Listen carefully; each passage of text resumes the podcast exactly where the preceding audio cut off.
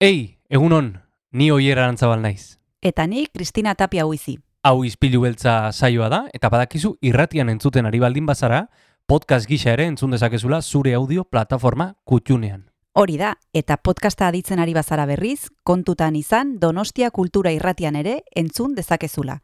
FM eundazazpi puntu lau frekuentzian. Sare sozialetan ere topatuko gaituzu noski, izpilu beltza bilatuta, Instagram, Facebook eta Twitterren. Besterik gabe, guazen gaurko saioarekin. Az gaitezen,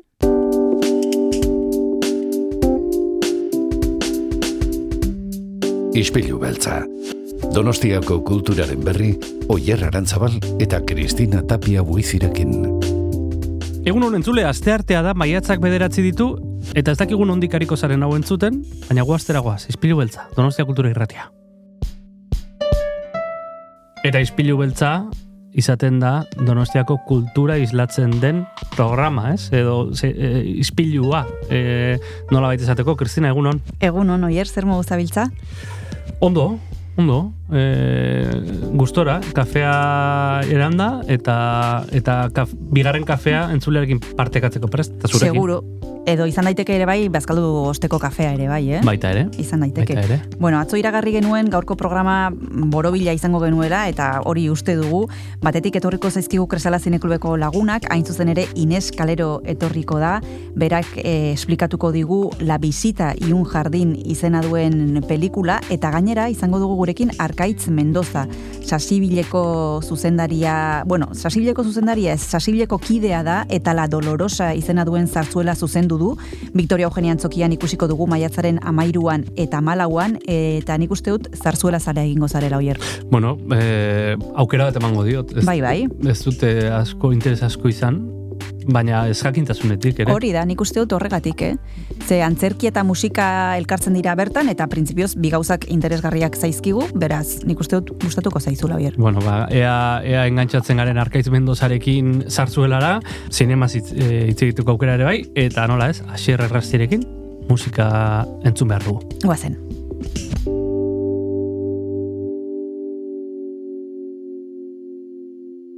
Kaixo entzule aste arteon, gaurko izpilu beltzari hasiera emateko Ipar Euskal Herrira egingo dugu salto, hain zuzen eh, Sarakoa delako Peio Erramauspe musikaria. Musikari multidisciplinarra izan ere, berak eh, bakarrik bai ahotsa eta baita hainbat instrumentu jota, Aira atxerekin, Aira izeneko bueno, ba, proiektua sortu berri du, e, momentuz e, sei kantu besterik ez dituen proiektua, eta guk e, jarraian datozen minutuetan e, proiektu honen e, bueno, ba, lehenengo kantu entzungo dugu. E, 2000 eta hogeita irugarren urte hasieran plazaratu zuen ikusten duzu goizean kantua.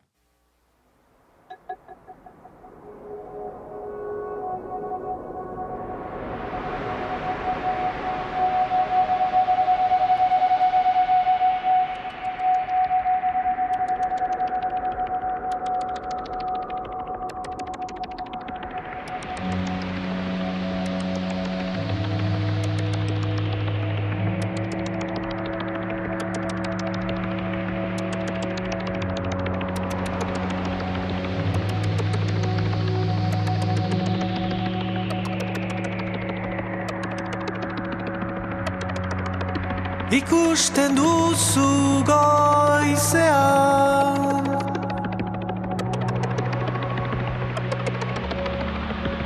Argia hasten denean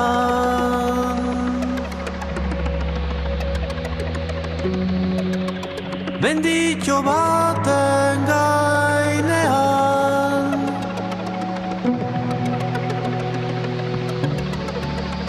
Benditxo baten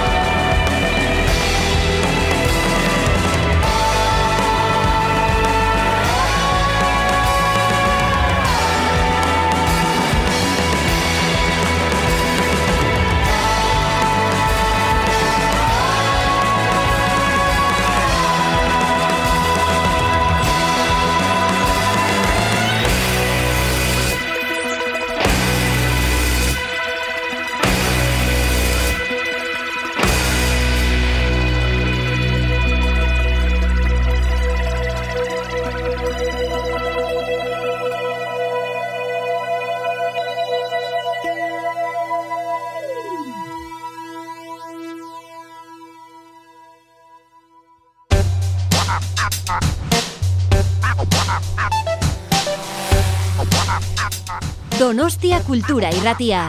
Zabaldu gurekin Donostialdeko kulturaren leioa.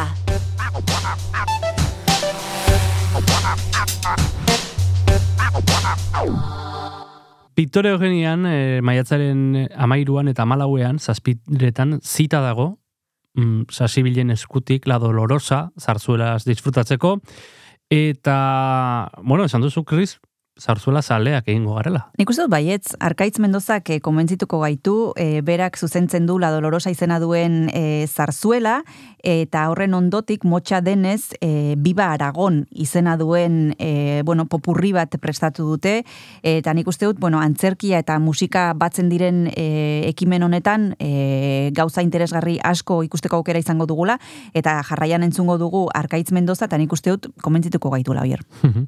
Bueno, e, entzun dezagun zer kontatuko digun, Arkaitz Mendozak hemen izpilu beltzean.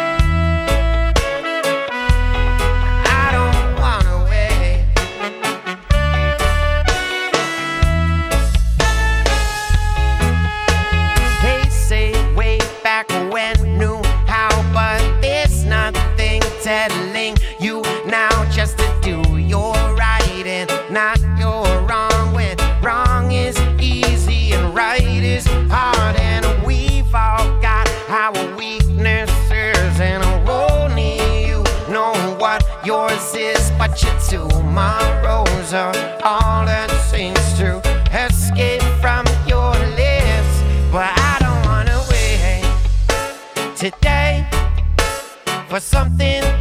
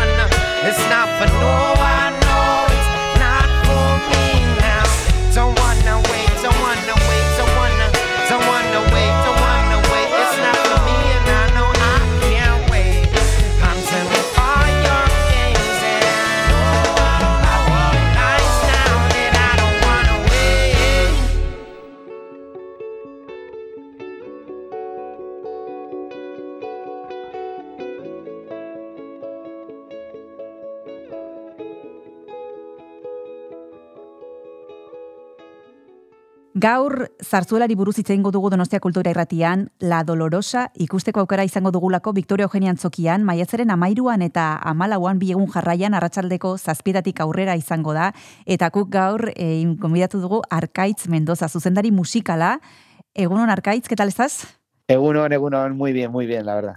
Bueno, vamos a hablar de zarzuela y vamos a hablar de la dolorosa. Para los que no estén muy puestos eh, en esto de la zarzuela y no conozcan eh, en qué consiste la propuesta de la dolorosa, cuéntanos un poquito la sinopsis de esta obra. ¿Qué, se cuenta en esta historia? Pues está ambientada en Aragón. O sea, se va a escuchar muchísima música de jotas, muchas jotas. Y entonces tenemos dos protagonistas. Tenemos a Rafael, que es un joven fraile que está, digamos, un tanto atormentado, porque al pintar una dolorosa reproduce los rasgos de un antiguo amor, que, debe, que debe ser Dolores, la mujer que le motivó que ingresase en el convento. Mm. Luego hay una pareja de jóvenes cómicos que además musicalmente tienen muchísima gracia también y casi hay perico, y que cantan su amor y de repente llega el padre, el padre de ellos dos, que es José, y viene con una mujer y resulta ser Dolores. Mm. Dolores que viene con su hijo en brazos. Entonces aquí eh, Rafael empieza a dudar y entonces es cuando se ve obligado, digamos, a, a elegir entre su vocación de sacerdote o fraile tal o el amor de su vida. Un poco esa es la temática. Bueno, ¿y por qué os habéis decantado por esta zarzuela Arcaiz? ¿Cuáles son los elementos que os han hecho eh, decidiros por la dolorosa? Pues eh, hacía muchísimos años que no se hacía en Donosti. Mm. Creo que estamos hablando 2009, creo que fue la última vez en el principal, creo. Eh, y bueno, pues hay que rescatar. La verdad es que muchas veces al hacer zarzuela se suelen representar las, las de siempre, por así decirlo. Y bueno, era una zarzuela nueva y cuando, bueno, pues eh, eh, todo el equipo de Civil nos juntamos y bueno, yo también tenía especial ilusión por añadir también a, mi lista de zarzuelas una hmm. nueva porque hasta ahora no había dirigido La Dolorosa y bueno, la verdad es que pues es un título, es verdad que es un tanto breve, estamos hablando de una zarzuela de escasamente una hora y por hmm. eso cuando hay muchas zarzuelas que son muy cortitas, se hace en una segunda parte, digamos, se rellena con, esa temática y entonces ah, vamos a hacer una antología llamada Viva Aragón, mm. en donde haremos muchas piezas, eh, haremos la famosa J de la Dolores, eh, la J aragonesa de Camille Sansen también, mm. eh, los, los protas, tanto Rafael como, como Dolores, que están interpretados por Marta Pineda y David Baños, harán unas romanzas de, la zarzuela de los, de, los de Aragón. También van a venir desde Zaragoza un grupo folclórico allí para ayudarnos también. Entonces, bueno, en torno a la Jota va a ir toda esta zarzuela. Bueno, vosotros en Sasivil estáis acostumbrados a dirigir y a organizar eh, zarzuelas y yo no sé si cada zarzuela tiene un proceso de trabajo que difiere, si un poco el patrón se repite. ¿Cómo ha sido el camino hasta llegar hasta el Victoria Eugenia? ¿Cómo es el proceso de trabajo de una obra así? Pues eh, lo primero que se empieza también es eh, pues, lo que hemos comentado, ¿no? Hace cuánto que no se ha hecho una zarzuela, interesa repetir, será gustar al público, etcétera. Mm. Bueno, en cuanto ya se elige el título, eh, el, germen, digamos, de esa es el coro, ¿no? Y en este caso, bueno, el coro en la zarzuela no tiene tanto tanta fuerza o no tiene tantos números, pero sí lo tendrá en la segunda parte. Y yo como director musical empiezo a ensayar ya con el coro. Llevamos ya dos, tres ensayos así, cada uno, pues el coro se mandan las partituras, cada uno se lo va montando un poco, digamos, en casa y tal, y luego ya vamos haciendo, montando el coro, que somos, digamos, los de casa, ¿no? Y luego ya los protas llegan ya la misma semana de la zarzuela. O sea, estamos hablando al final, pues eh, por presupuesto, etcétera, no nos podemos permitir, pues como en el Teatro La Zarzuela de Madrid, que ensayan tres semanas todos ahí, pues la orquesta también llega unos días antes y tal. Y entonces ya en cuanto llegan los solistas de fuera, eh, también eh, González y José García, que son los directores de escena, ya durante este mes con los actores de aquí lo van trabajando, van quedando con ellos y ya esperamos a que vengan ya los protas de fuera, etcétera, y ya pues eh, moldeamos todo y engrasamos todo. ¿sí? ¿de cuánto tiempo estamos hablando? Desde que os sentáis en Sasivil a pensar cuál podría ser hasta que finalmente empezáis en la última semana con los ensayos más eh, completos, podríamos decirlo así de alguna manera. ¿Este tiempo cuánto es? ¿Cuántos meses, semanas? Eh, sí, meses, meses. Estos se programas sobre todo porque hay que reservar el teatro, claro, hay, que, hay que contar con unos cuantos días, aparte de los dos días de las funciones, el 13 y 14 de mayo, pues claro, necesitamos el teatro dos días antes para poder eh, montar, eh, ensayar con la orquesta, todos juntos, la escena, la, toda la escenografía, etcétera, luces, todo. Entonces, esto se plantea desde la primera reserva del teatro, se reserva el teatro, se habla con el teatro y con las fechas disponibles y luego ya se elige el título. En este caso ha sido bastante tardío, unos cuantos meses. Y luego ya, digamos que mes y medio, dos meses antes o así, ya se empieza a trabajar en serio ahí con el coro, etcétera. Y luego es muy express. La orquesta llega el jueves, leemos, luego los solistas a, a, la noche con la orquesta, al día siguiente general, o sea, luego el montaje es muy acelerado, digamos, estresante. Yo cuando empecé a dirigir en Sal Civil me sorprendió mucho, digo, madre mía, pero si aquí apenas hay ensayos, claro, el director de orquesta quiere mucho el ensayo con la orquesta, ¿no? Mm. Pero claro, evidentemente por presupuesto y con todo el mérito que tiene Sal Civil, pues de montar todas estas cosas, pues es un auténtico milagro y la verdad es que sale, la calidad es muy buena por eh, viendo las circunstancias en las que nos manejamos. Bueno, todas las piezas están en su lugar y todo el engranaje está perfectamente calculado para que sea así. Después el resultado, bueno, no hay que decirlo, eh, salta a la vista. Quienes hayan podido ver algún trabajo que ha propuesto Civil lo saben. Vamos a seguir enseguida hablando con Arcaiz Mendoza de La Dolorosa, pero antes nos vamos a tomar un descanso y continuamos allá mismo.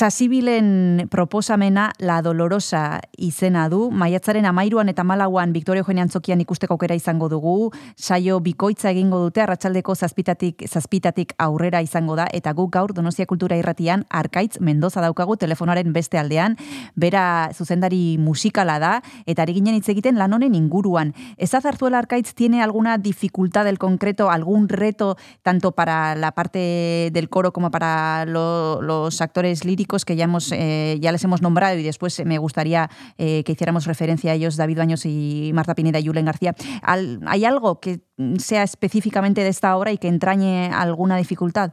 Eh, todas tienen eh, su, su, aquel, digamos, Hmm. ¿no? En este caso yo creo que es el ritmo. Hmm. El ritmo. O sea, pillar el punto a la J no es nada fácil. O sea, porque bueno, las escuchamos muchas veces y en este caso, pues para la orquesta eh, no es nada fácil. Luego yo también, cuando moldeo la orquesta, porque estamos hablando de una orquesta de 26 músicos, y entonces, pues bueno, pues no tenemos una orquesta inmensamente grande y yo tengo que hacer una selección muy clara de qué quiero que toque el percusión en algún pasaje, si el timbal o solo el bombo, la caja, etcétera. Y sobre todo la segunda parte. Hemos metido muchas piezas muy conocidas y, y entonces, bueno, hay que moldear bien la importancia del arpa. El arpa va a estar tocando casi toda la zarzuela y hay Ujú. zarzuelas en las que no tiene protagonismo, pero la verdad es que es un instrumento que a veces está un poco arrinconado, pero le da Mm. muchísima vistosidad. Y es el ritmo. Eh, con el coro estoy trabajando mucho el ritmo, más que el cantar, porque cantar mucho, mucho no tienen que cantar en esta zarzuela. Hay otras en las que el papel del coro tiene muchísima exigencia, pero el ritmo sí. Tienen que, hay momentos en los que la música se acelera mucho, en estos que se frena bruscamente y me tienen que entender muy claramente el gesto, ¿no? Entonces. Trabajamos mucho texto leído en vez de estar cantando, con las sílabas en el ritmo adecuado para que todo engrase bien. Vamos a hablar de, de los cantantes, los actores líricos, que ya hemos dicho sus nombres, pero vamos a decirlos otra vez. David Maños, Marta Pineda y Julen García. Eh, ¿Por qué les habéis seleccionado? ¿Cómo, cómo son sus papeles y cómo, so- cómo es su, su forma de trabajar? Por supuesto, también vamos a nombrar a los componentes de, de esa civil que conforman eh, el coro. ¿Qué papel juega cada uno de ellos? Bueno, pues eh, normalmente el, eh, empiezo por el último, el coro. El coro casi siempre hace, digamos, de pueblo. O sea, en cualquier historia son los que, eh, digamos, redondean y los que sin el coro es difícil entender ninguna zarzuela o incluso ninguna ópera, ¿no? Mm. O sea, es un parte esencial que muchas veces se deja de lado. Sí, sí, están ahí, pero sin el coro muchas óperas y esto pues no tendrían el valor que deberían de tener. Y luego en cuanto a los protagonistas, a David Baños lo conozco bastante porque ya hemos hecho unas cuantas zarzuelas con él, incluso una, gala lírica yo al piano también y tal. Y bueno, es un tenor de, de reconocido prestigio, hace muchísimas cosas a nivel nacional y la verdad es que bueno, será un, un placer tenerlo otra vez. Todos estos solistas, cada uno se, se lo van estudiando eh, por, eh, por su cuenta y luego ya nos juntamos aquí en Donosti. Marta Pineda no la conozco, eh, se ha contactado con ella porque ya ha debido de hacer la, esta zarzuela, la dolorosa, y, pero hemos tenido una buena relación y a veces cuando estamos en la distancia, porque ella está en Madrid, pues tenemos dudas, ah, Arcaiz, ¿esto cómo lo vas a hacer? O más rápido y tal. Y esas conversaciones son muy bonitas porque hasta que no llega la última semana de la zarzuela, pues para que no sea todo brusco, pues hay dudas por mi parte, quiero saber ella cómo lo siente, ella también quiere saber cómo se lo voy a dirigir y entonces, bueno, aunque sea por WhatsApp, pero, pero hay unas comunicaciones interesantes, ¿no? Y entonces con Marta sí que ya estamos moldeando un poco la zarzuela. Y luego tenemos a Julen García, Eso es. que es un eso es un joven promesa del canto que sale de Musiquene, que también ha tenido pequeños papeles hasta ahora y que ahora hará el papel de prior, que parece que es un poco secundario, pero que es importante y es una de las grandes, digamos, políticas eh, de Sasíbil desde siempre y lo reconozco incluso en mi persona. O sea, yo apenas estaba estudiando en Musiquene un par de años de dirección y vino José García y me dijo, oye, ¿dirigirías una zarzuela? Y me quedé, y digo, ¿pero qué dicen? O sea, meterme al foso directamente, Victoria Eugenia, o sea, que yo no tengo tanta experiencia. Y bueno, pues aquí sigo, o sea, ya casi 20 títulos de zarzuela, muchísimos años dirigiendo con ellos, orquestas profesionales también fuera, Mm. y entonces ellos igual han hecho con los cantantes de... O sea, Sibyl han debutado, pues eso, Miren Urbieta, Marifenógales, o sea, Mm. muchísima gente que está triunfando y Julen García, pues esperemos que también llegue a, esas cotas, ¿no? Y entonces es una política, es así, dar oportunidades a los que están empezando y cuando se lo van ganando, pues ir, evidentemente dándoles mayor importancia y papeles más importantes. Vamos a seguir hablando de esa civil y de la dolorosa. Nos vamos a tomar el segundo y último descanso a Arcades y volvemos ya mismo.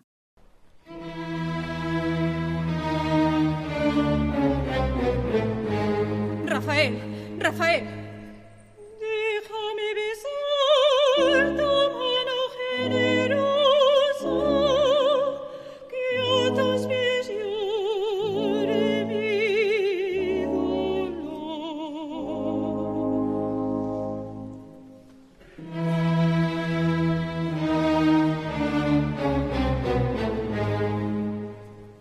levanta del suelo,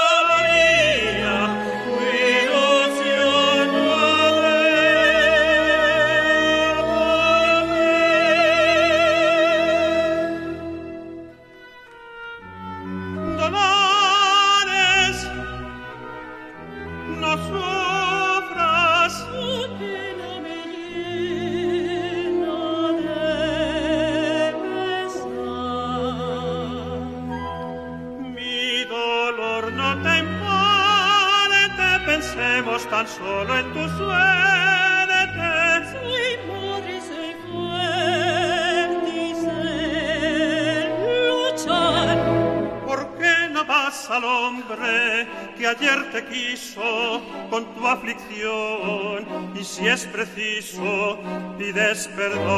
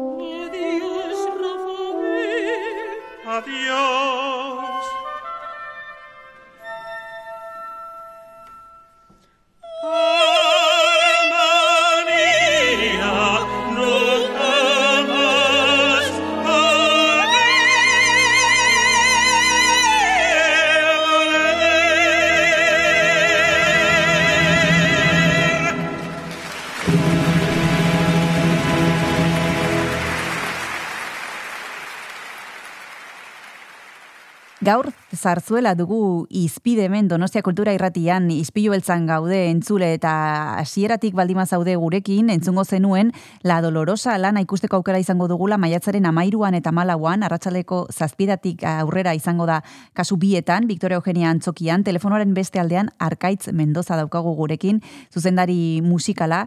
Estábamos hablando de La Dolorosa. Antes nos has citado, Arkaitz, que vais a completar eh, La Dolorosa con un popurrí, podríamos decirlo así, corrígeme si equivoco poco, que se habéis titulado Viva Aragón. Eh, ¿Cómo ha sido la selección eh, de estas piezas que conforman este Viva Aragón? ¿Os ha costado mucho? ¿Teníais claro desde el principio cómo, cómo iba a ser este, esta parte del espectáculo? Eh, bueno, se va moldeando poco a poco, viendo Mm. evidentemente que, que eh, la obra de José Serrano, La Dolorosa, pues musicalmente la Jota es el, el género musical por excelencia. Hay una gran Jota que había que meterla como final de colofón, que es la gran Jota de La Dolores, Mm. que es otra zarzuela, La Dolores de Tomás Bretón y otra es la, la Dolorosa de Serrano, ¿no? Y entonces esa eh, tiene que ser al final de todo. Y entonces luego se va viendo, pues evidentemente contando con Marta Pineda y David Baños, pues que cada uno que tengan su romanza. Y la zarzuela de los de Aragón, pues tienen dos romanzas muy interesantes, también muy conocidas. Y vamos moldeando un poco. Es verdad que entre José García y Ekaitz están diseñando un argumento para dar lógica y que no sea, digamos, una especie de concierto la segunda parte, que salen, cantan, se van, salen, cantan, se van, no. Va a haber, va a haber texto entre medios, entonces, para darle, digamos, forma a esa segunda parte, que también es muy interesante. Y luego, por mi parte, ha sido un descubrimiento, porque hasta ahora no lo conocía, de Camille Saint-Saëns, Mm. que Saint-Saëns es un compositor, digamos, de música clásica eh, muy reconocido. No sabía que tenía una J aragonesa Mm. propiamente ah, con ese título, ¿no? Y entonces, bueno, la verdad es que tenía muchísima vinculación Sansán con Sarasate. Sarasate escribió muchas jotas también para violín. Y la verdad es que, bueno, va a ser un momento ahí para la orquesta y luego el grupo folclórico arriba que estará actuando. Pues la verdad es que un momento orquestal importante también para, para nosotros. Y bueno, pues moldeando esa segunda parte para dar, digamos, colofón a, esta zarzuela. Hablamos de Zarzuela, Arcaitz, y te querría preguntar por si es un espectáculo que está dirigido a personas que ya saben de qué va esto de la zarzuela, a personas que eh, les gusta el género o puede ser algo para probar, algo para descubrir. Eh, ¿Podemos ir sin conocer demasiado? Pues sí, incluso sin que me escuchen mucho los más puristas, digamos, de la ópera, Mm. que muchas veces la gente dice, ay, la, la ópera, pero eso es para gente elitista, como Sí, si esto sí. fuera tal, pues yo reconozco que la, la ópera, pues depende qué ópera, pues también hay grados, ¿no? Mm. Digamos, o sea, uno no puede de primera, así su primera ópera de su vida, escuchar una de Wagner, por Mm. ejemplo, pues Mm. igual es excesivo, primero igual escucha una de Mozart, etcétera, ¿no? Mm. La zarzuela tiene una grandísima ventaja, que es teatro y música. Entonces, lo he vivido en mis propias carnes cuando he debutado y cuando voy al teatro y, ah, ok, vas a hacer zarzuela. Y yo les animo, ven una. Y luego hablamos. Ujú. Oye, qué divertido, qué risas me he echado, tal. Porque al final es un teatro musical, ¿no? Ujú. A veces hay grandes dramas, hay otros momentos cómicos. Y, y entonces, bueno, pues, este, se está juntando teatro con música, con una orquesta en directo, actores, escenografía, decorado. La verdad es que lo tiene todo, ¿no? Mm. Pero sí es verdad que como digamos es algo que muy antiguo, ¿no? De que nos ha venido de los aitonas y amonas, Mm. ¿no? Las zarzuelas. Pero bueno, cuando la gente joven se acerca, la verdad es que les gusta, ¿no? Es verdad que igual por un vínculo de que conocen al que canta o Mm. tal, o es de su cuadrilla alguien, o el del coro, Mm. etcétera, pero lo engancha y, y conozco a gente que vuelven a repetir. Y la Mm. verdad es que es algo de probar. O sea, hay algunas igual más apetecibles que otras, pero todas tienen su punto, digamos, cómico de reírse y también su momento de drama, ¿no? Y entonces, Mm. bueno, es una gran historia, dos horas de espectáculo que, que cualquiera debería acercarse al menos alguna vez. Mm. ¿Y en tu opinión tiene buena salud este género? Se cuida de, de mil maneras, o sea, de lo que voy escuchando a veces cuando vienen a cantar eh, los cantantes ahí cuando estamos hablando de las zarzuelas que hacen, por ejemplo, pues, pues por todo el territorio español, pues hay veces que, pero de verdad que esta zarzuela la habéis hecho con un piano, dos violines y tal, y yo, sí, de mala manera, no sé qué, por querer eh, eh, preservar, digamos, la zarzuela, a veces, muchas veces no se ha cuidado Ujú. se ha quitado cosas, o sea, el texto, parte del libreto se ha suprimido, porque va, porque esto es muy largo y para tal, y, y se han quitado muchísimas cosas. Hace falta actualizar, también estamos hablando de un género que el libreto Sassibi lo, lo, suele tener en cuenta porque además respeta mucho. Es una de las cosas que siempre me ha, se han sorprendido los que vienen de fuera. Madre mía, en Sassibi la hacéis la zarzuela entera, mm. porque normalmente muchas, muchos textos se quitan, se van suprimiendo cosas y sobre todo el lenguaje. Hay mucho lenguaje machista. Estamos hablando de comienzos del siglo XX que, uf, a veces hay ciertas barbaridades y esas cosas hay que actualizarlas, ¿no? Y sí que hace falta, pues a veces en esas cosas se suelen suprimir, pero sí es verdad que haría falta, digamos, actualizar los textos, la música también a veces eh, musicalmente hay cosas que están pensadas para que hay muchos momentos cómicos, por ejemplo, entre Nicasia y Perico, que la orquesta está a tope rellenada, por así decirlo, orquestada muy ricamente. ¿Por qué? Porque igual José Serrano, el compositor, no sabía si iba a tener éxito con ese número, que le estaba funcionando bien musicalmente, y lo había trabajado y lo había escrito para que la orquesta la tocara solo, por ejemplo, para que el domingo la banda municipal de Madrid la tocara y él pudiera ganarse un dinero. Entonces, con eso hay que saber quitar ciertas, ciertos instrumentos para que esos cómicos se les pueda llegar a escuchar bien y que no se sobrepase el volumen. Entonces, hay mucha cosa que creo que hay que ir poco a poco actualizando en la zarzuela, porque ahí sí es verdad que hay algunos rasgos que se han quedado, digamos, un poco anticuados. Pero bueno, es nuestra labor esa de modernizarla y cada vez que llega un nuevo título de, de meterle mano, ¿no? Por así decirlo. bueno, ahora venís al Victoria Eugenia con eh, La Dolorosa y con este Viva Aragón que completan el programa que podremos disfrutar los próximos 13 y 14 de mayo. Arcaiz, ¿qué otros proyectos eh, tienes tú entre manos? ¿En qué andas metido? Bueno, pues la verdad es que en muchos conciertos, eh, ahí con el, con el quinteto Sugar Ensemble, eh, con la Sinfónica de Navarra también me están llamando ciertas colaboraciones. Y luego, bueno, pues eh, vienen proyectos interesantes en verano, algunos que no puedo todavía anunciar porque no se han anunciado, pero, pero la verdad es que bien, o sea, entre dirigiendo y como pianista, pues, pues contento, entre mi labor docente en Musiquene también y, y bueno, pues intentando hacer muchas cosas y, y, contento, sí, la verdad es que sí. Bueno, pues muchísimas gracias, Arcaitz Mendoza, por haberte acercado a Donostia Cultura y Ratía. Como decíamos al comienzo, la dolorosa es la propuesta de esa civil. Eh, tendremos ocasión de disfrutarla el 13 y el 14 a las 7 en el Teatro Victoria Eugenia. Mila esker, Arkaitz, eta horrengo arte besar cada bat. Zuei, eskerrik asko, mila, mila esker.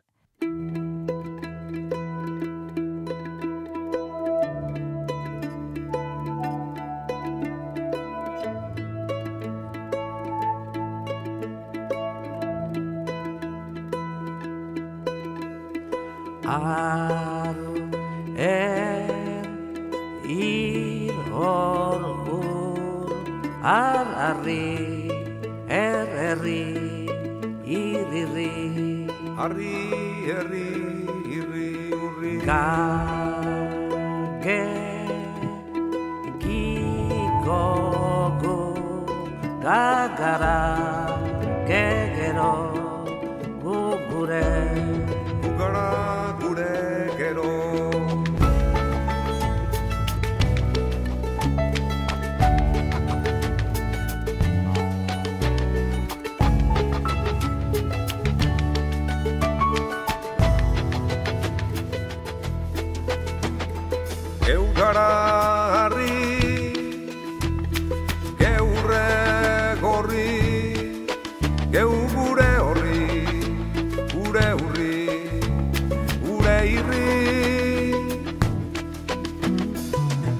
zarri gora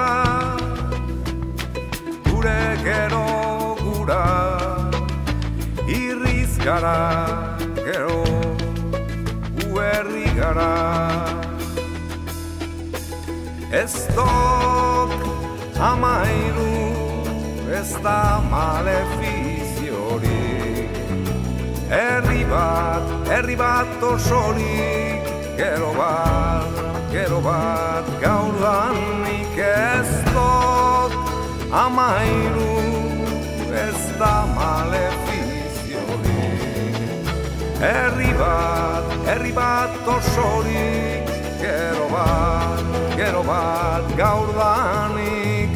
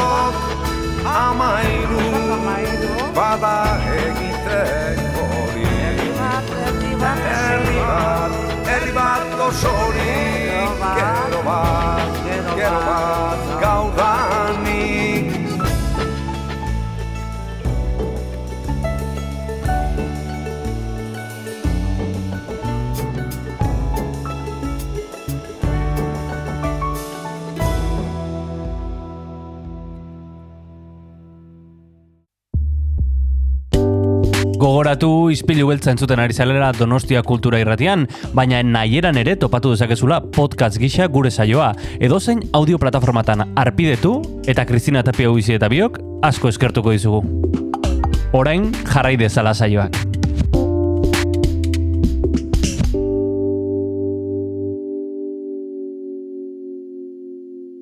Gaur asteartea da entzule eta badekizue asteartetan zinemarekin daukaguloa itzordua, Kresala Zineglobeko lagunak etortzen zaizkigu gaurkoan.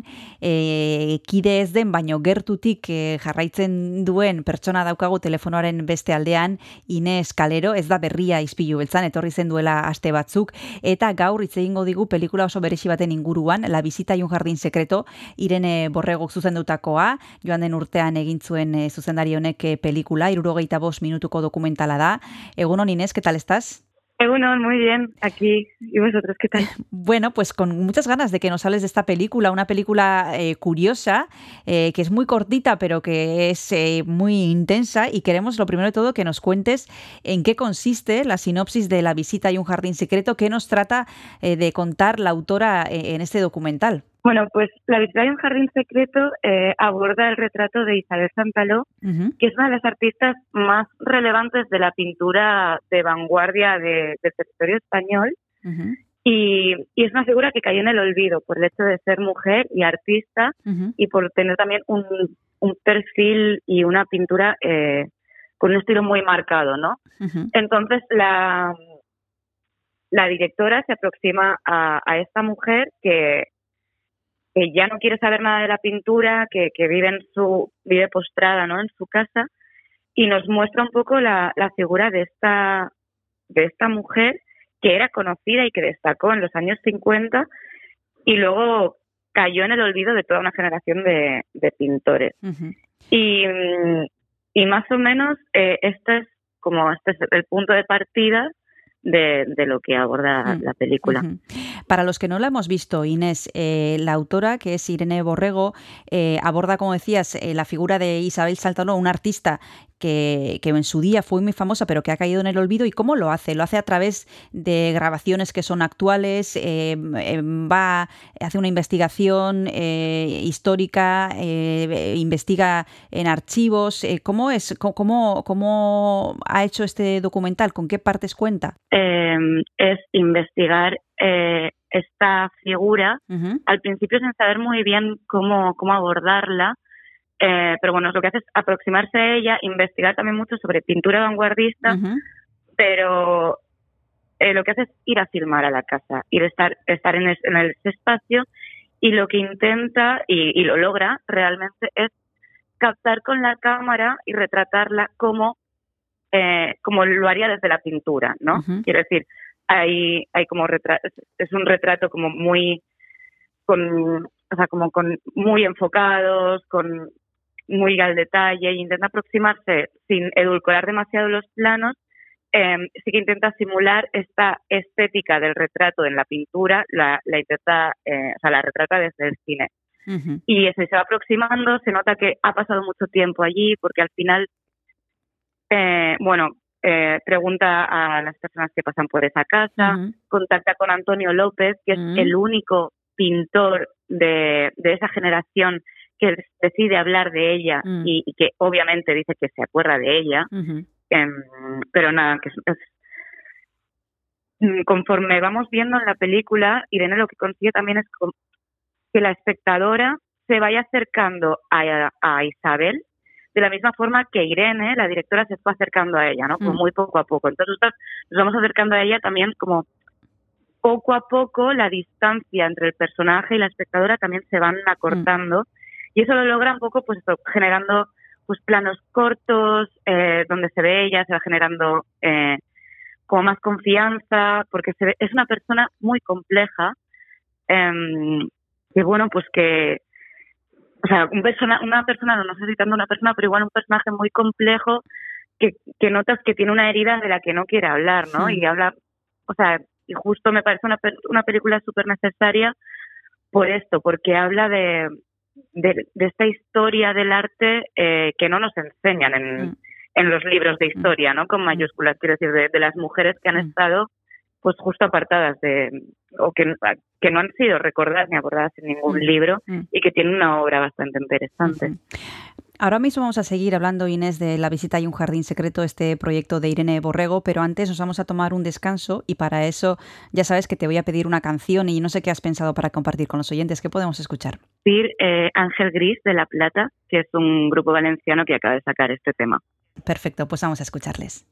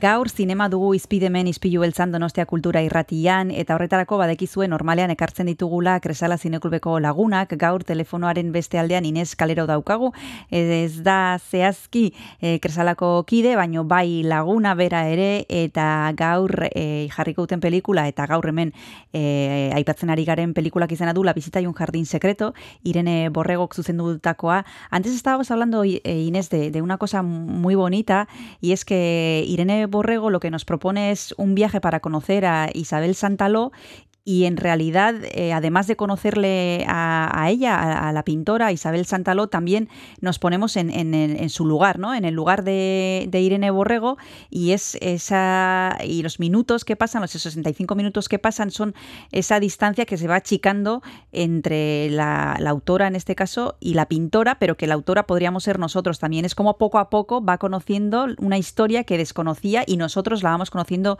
eh, junto a ella. Podríamos hacer ese viaje como de forma conjunta, ¿no? Precisamente eso. Ella al principio utiliza esto como planos igual más de lejos, eh, también por un poco por, por este respeto a la persona, por, por intentar como, bueno, pues al final generar una intimidad que, que se tiene que ir generando con el tiempo, ¿no? Como también pasando espacio en, o sea, pasando tiempo, perdón, en, en su espacio y al final esto la va retratando a ella y también eh, al espacio que ella habita, porque esto también es bastante importante, ¿no? En los retratos de, de en pintura, pensando como que siempre está el busto, pero también hay parte del, del espacio, del lugar en el que está la persona, y esto ya lo va haciendo, y cada vez como con planos, o planos más cortos, o planos más de cerca, de forma que al final llegamos a, aproximarnos mucho a Isabel y, y bueno, también ya conocer su pintura, porque una cosa que, que no he dicho y que también me parece bastante importante uh -huh. es que su pintura no está accesible. O sea, hay uh -huh. muy poca pintura de Isabel que, que se pueda ver, eh, que la tiene en un bueno, en una habitación de, de su casa uh -huh. y luego todo lo demás eh, está desaparecido y muy mal estado de conservación. Entonces, claro, la película también reflexiona sobre pues esto, ¿no? Sobre, bueno, por qué la pintura de Antonio López está muy bien conservada y, y pues ser mujer y ser artista en la España de los 50, pues, mmm, ¿no? Y haciendo como pintura de vanguardia, pues, pues no era fácil. Mm. O sea, creo que dedicarse al, al arte o al cine ahora mismo es complejo y siendo mujer todavía más. Eh, pero claro, verlo en boca de, de, de Isabel Santaló, pues como que hay algo ahí también que apela al, al bueno, como que apela al pasado, pero también nos, nos apela directamente al, hmm. al presente. Hmm. Sí, es la historia de Isabel Saltaló, pero seguramente será la historia de muchísimas mujeres que no conocemos, eh, su, cuyos trabajos no conocemos, ¿no? Porque, por ejemplo, Isabel Martínez Ruiz, que es como se llamaba en realidad Isabel Santaló, pues tuvo eh, su, su momento y tuvo su reconocimiento en el arte de la vanguardia, fue una de las pioneras en el, en el arte de la restauración también, nació en el 23 en en, Córdoba y bueno, ha tenido eh, una formación excepcional. Después eh, ha, expuesto en París, en Milán, en, en Miami. Bueno, eh, una de las artistas que, que en su día tuvo su importancia, pero que no sabemos por qué, o sí sabemos por qué, eh, cayó en el olvido, cosa que no ha ocurrido con otros artistas masculinos, como por ejemplo Antonio López, que es el único que la recuerda, ¿no? Podría ser su historia, pero la de muchas otras también, que casualmente eh, son las mujeres las que caen en el olvido o las mujeres son las que no pueden desarrollar unas carreras tan, tan completas como las de los hombres, ¿no? Entonces, eh, nada, yo creo que, o sea, lo que me gustaría hacer es invitar a a todas las oyentes a que vengan al pase porque estará Irene Borrego en, en el cine presentando, va a venir ella a presentar la película y luego habrá un coloquio, por lo tanto también creo que ella nos puede contar mucho, mucho más una vez uh -huh. hayamos visto la peli. Uh -huh. Bueno, pues ahora vamos a seguir hablando en la recta final de la entrevista de Irene Borrego, una autora con un sello propio y que tendremos ocasión eh, de, de, y que tendremos ocasión de, de disfrutar de ella eh, esta tarde, como decíamos, eh, en el pase de, del cine Trueba. Nos vamos a tomar el segundo y último descanso. La primera canción ha elegido Inés Calero, la segunda la voy a elegir yo. Continuamos ahora mismo.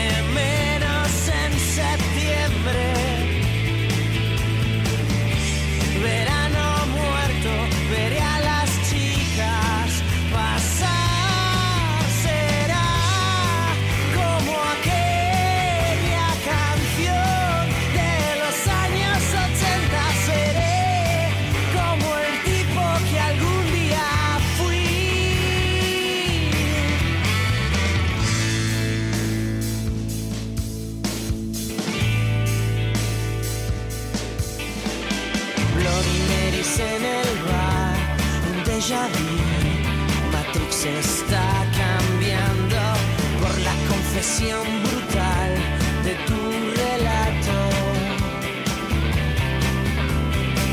Y yo no quiero volver. No me repitas jamás que no sabes qué hora es, las 7 y 27 o no. Ya terminé. No te echaré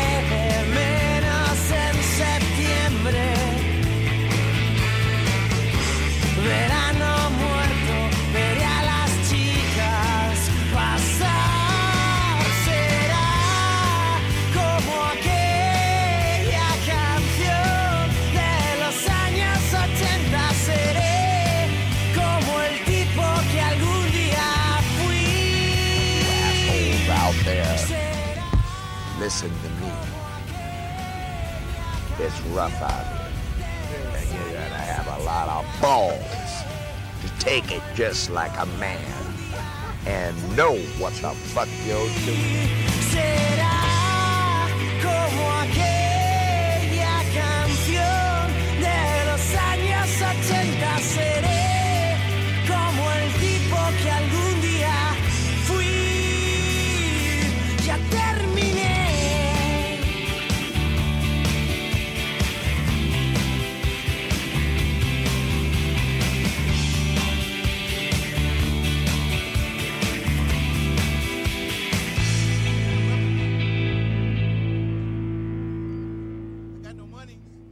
La visita y un jardín secreto da Inés Calero eta Kresala Zinekoleko lagunek jarriko duten pelikula gaur arratsaldean trueba zinemetan izango da arratsaldeko zazpiterdietatik aurrera. E, badekizue la visita y un jardín secreto pelikulak e, e, Irene Borrego daukala zuzendari gisa eta gaur bertan autorea egongo da e, gurekin e, trueba zinemetan esan bezala eta justu ari ginen hitz egiten e, Inesekin pelikula eta lan honen inguruan. Eh, Inés, te quería preguntar por la autora, por Irene Borrego. Eh, ¿Qué nos puedes decir de ella? Eh, ¿Has visto algún trabajo más suyo? ¿Cuál es su sello de identidad? Cuéntanos algo sobre ella. eh, cineasta, pero también es productora de documentales y investigadora. Y tiene una productora que se llama 59 en Conserva, que es bastante reciente y acaba de empezar, o sea, acaba de empezar como a, a lanzar eh, documentales y cortometrajes. Y esta es su ópera prima, es su primera, es, es su, su primer eh, documental así firmado solo por ella. Y, el estilo que os podría decir es como, o sea, ella realmente tiene un estilo muy cuidado, eh, está especializada en, en no ficción, un estilo muy cuidado, eh, planos, o sea, cuidado desde la imperfección, o sea, eh, sí, para cuando quienes vean la vista de un jardín secreto van a ver que son planos muy pensados, muy medidos, que está pensada como la altura a la que se aproxima ¿no? Mm. de la cámara eh, con la mirada de la protagonista, el encuadre, porque siempre nos va a hacer presentes. O sea, ya eso es el de hacer presente a la espectadora desde los planos que ella escoge, ¿no? Mm. Eh, pero dentro de una imperfección.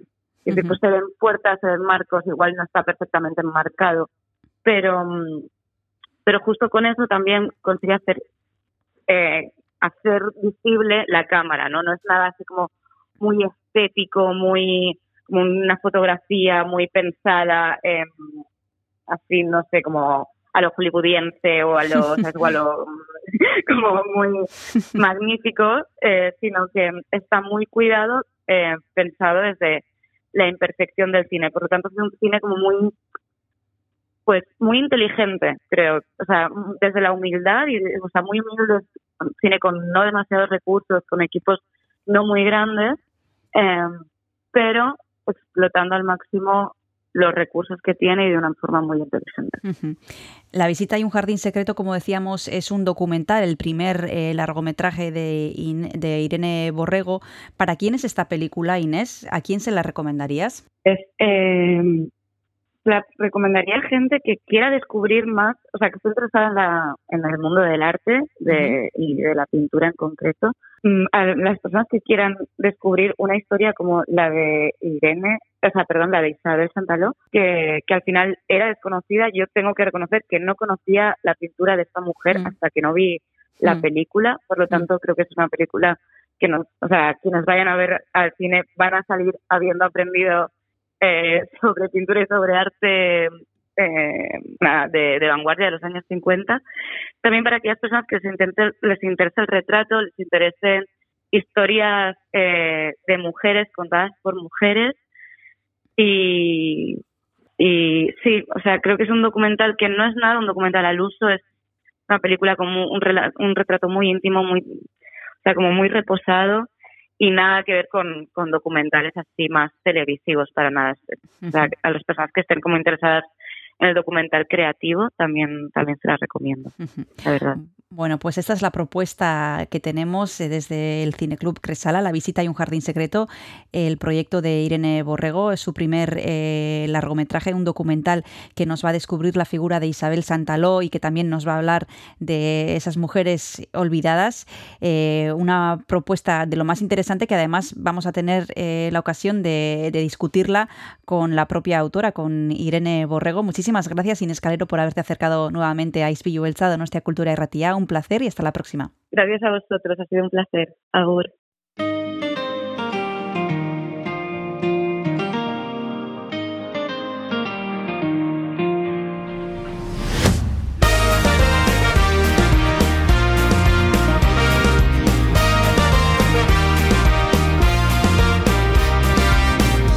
Si no t'esperes no t'abraça la lluna de mitjanit. Si corres massa se t'escapa. Que t'abraça quan tu plores, que t'estima quan l'ignores. Es lleva d'hora al matí. Que sense ales ja no vola, diu que ara ja no es sent tan sola, que no té por de fer camí. I el seu cor porta una daga, però ja riu i no s'amaga, un crim mut enmig del pit. Com una bala tremoli fort al món sencer, comença tot enrere.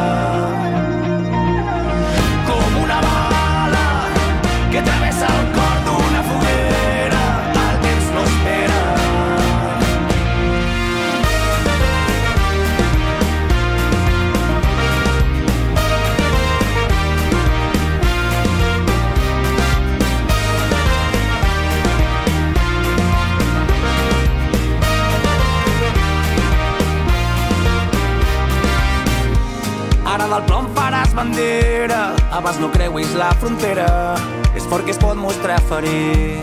Perquè es pot mostrar ferit.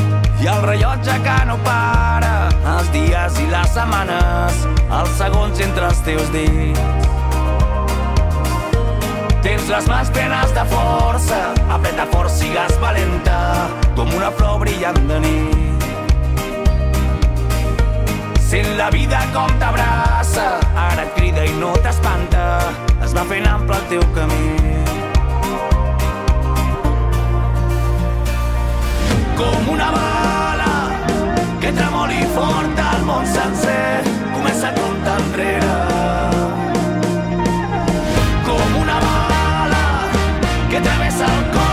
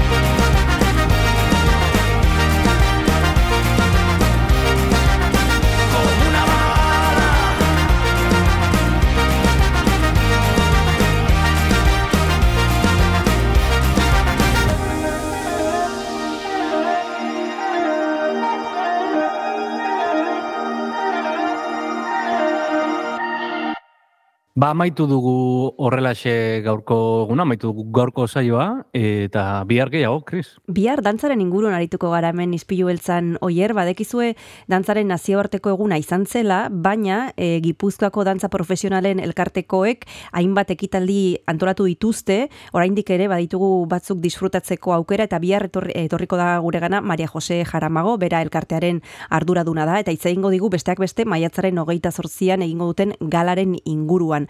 E, gala potoloa, hain pila bat e, dantzari egongo dira bertan, e, lehenbiziko lerroan dauden dantzariak, gipuzkoarrak, eta aprobetxatuko dugu aitzaki horrekin, ba, ze egoeratan e, dagoen dantza jakiteko goier. Bueno, eh, aukera aparta dantzaren inguruan solasteko, Mhm. eta beste hainbat gauza disfrutatzeko ere, baina hori guztia biharko saioan egingo dugu. Hori da. Eta tira gogoratuko dugu, astelenetik ostiralera entzun gai dagoela ispilu beltza goizero goizero donostia kultura erratian, FM eun da zazpi puntu lau frekuentzian, Mhm. edo nahieran, audio plataformetan. Horixe, bihar arte besterik gabe, agur. Agur, agur. Donostia kultura irratia. Eun eta zazpi puntu lau.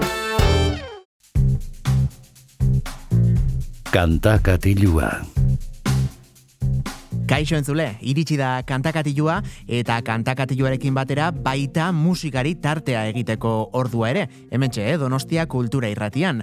Badakizue atal honetan, bueno, ba, normalean eh, labetik, eh, estudiotik irten berriak diren diska eta kantuei egiten diegula tartea, baina gaurkoan ez da kasu hori izango. E, noizea bain ere, atzera begira jartzea ere polita delako ez da, erromantikoa dela esango nuke, eta areta gehiago, ba, Euskal Herrian dudari gabe, azken hamarkadetan, bueno, ba, mugimendu eta eta lurrikara, iaia esango nuke, e, sortu duen talde baten kantuak entzuteko bada. Berri txarrak talde Nafarra, lekunberriko taldea izango dugu ardatz, e, gaurko kantakatiluan, 2000 eta bederatzi garren urtean plazaratu zuten Paiola albumaren amaika kantuak goitik bera entzuteko tarte hartuko dugulako datozen minutuetan. Gozatu.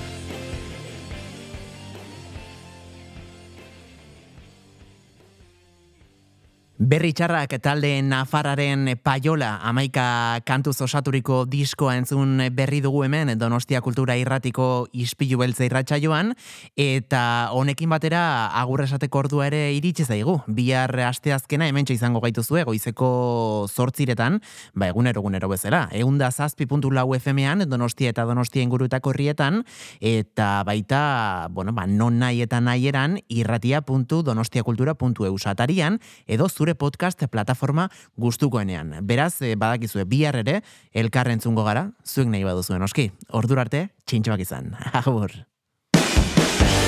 Ours is the power, and now is the time. This is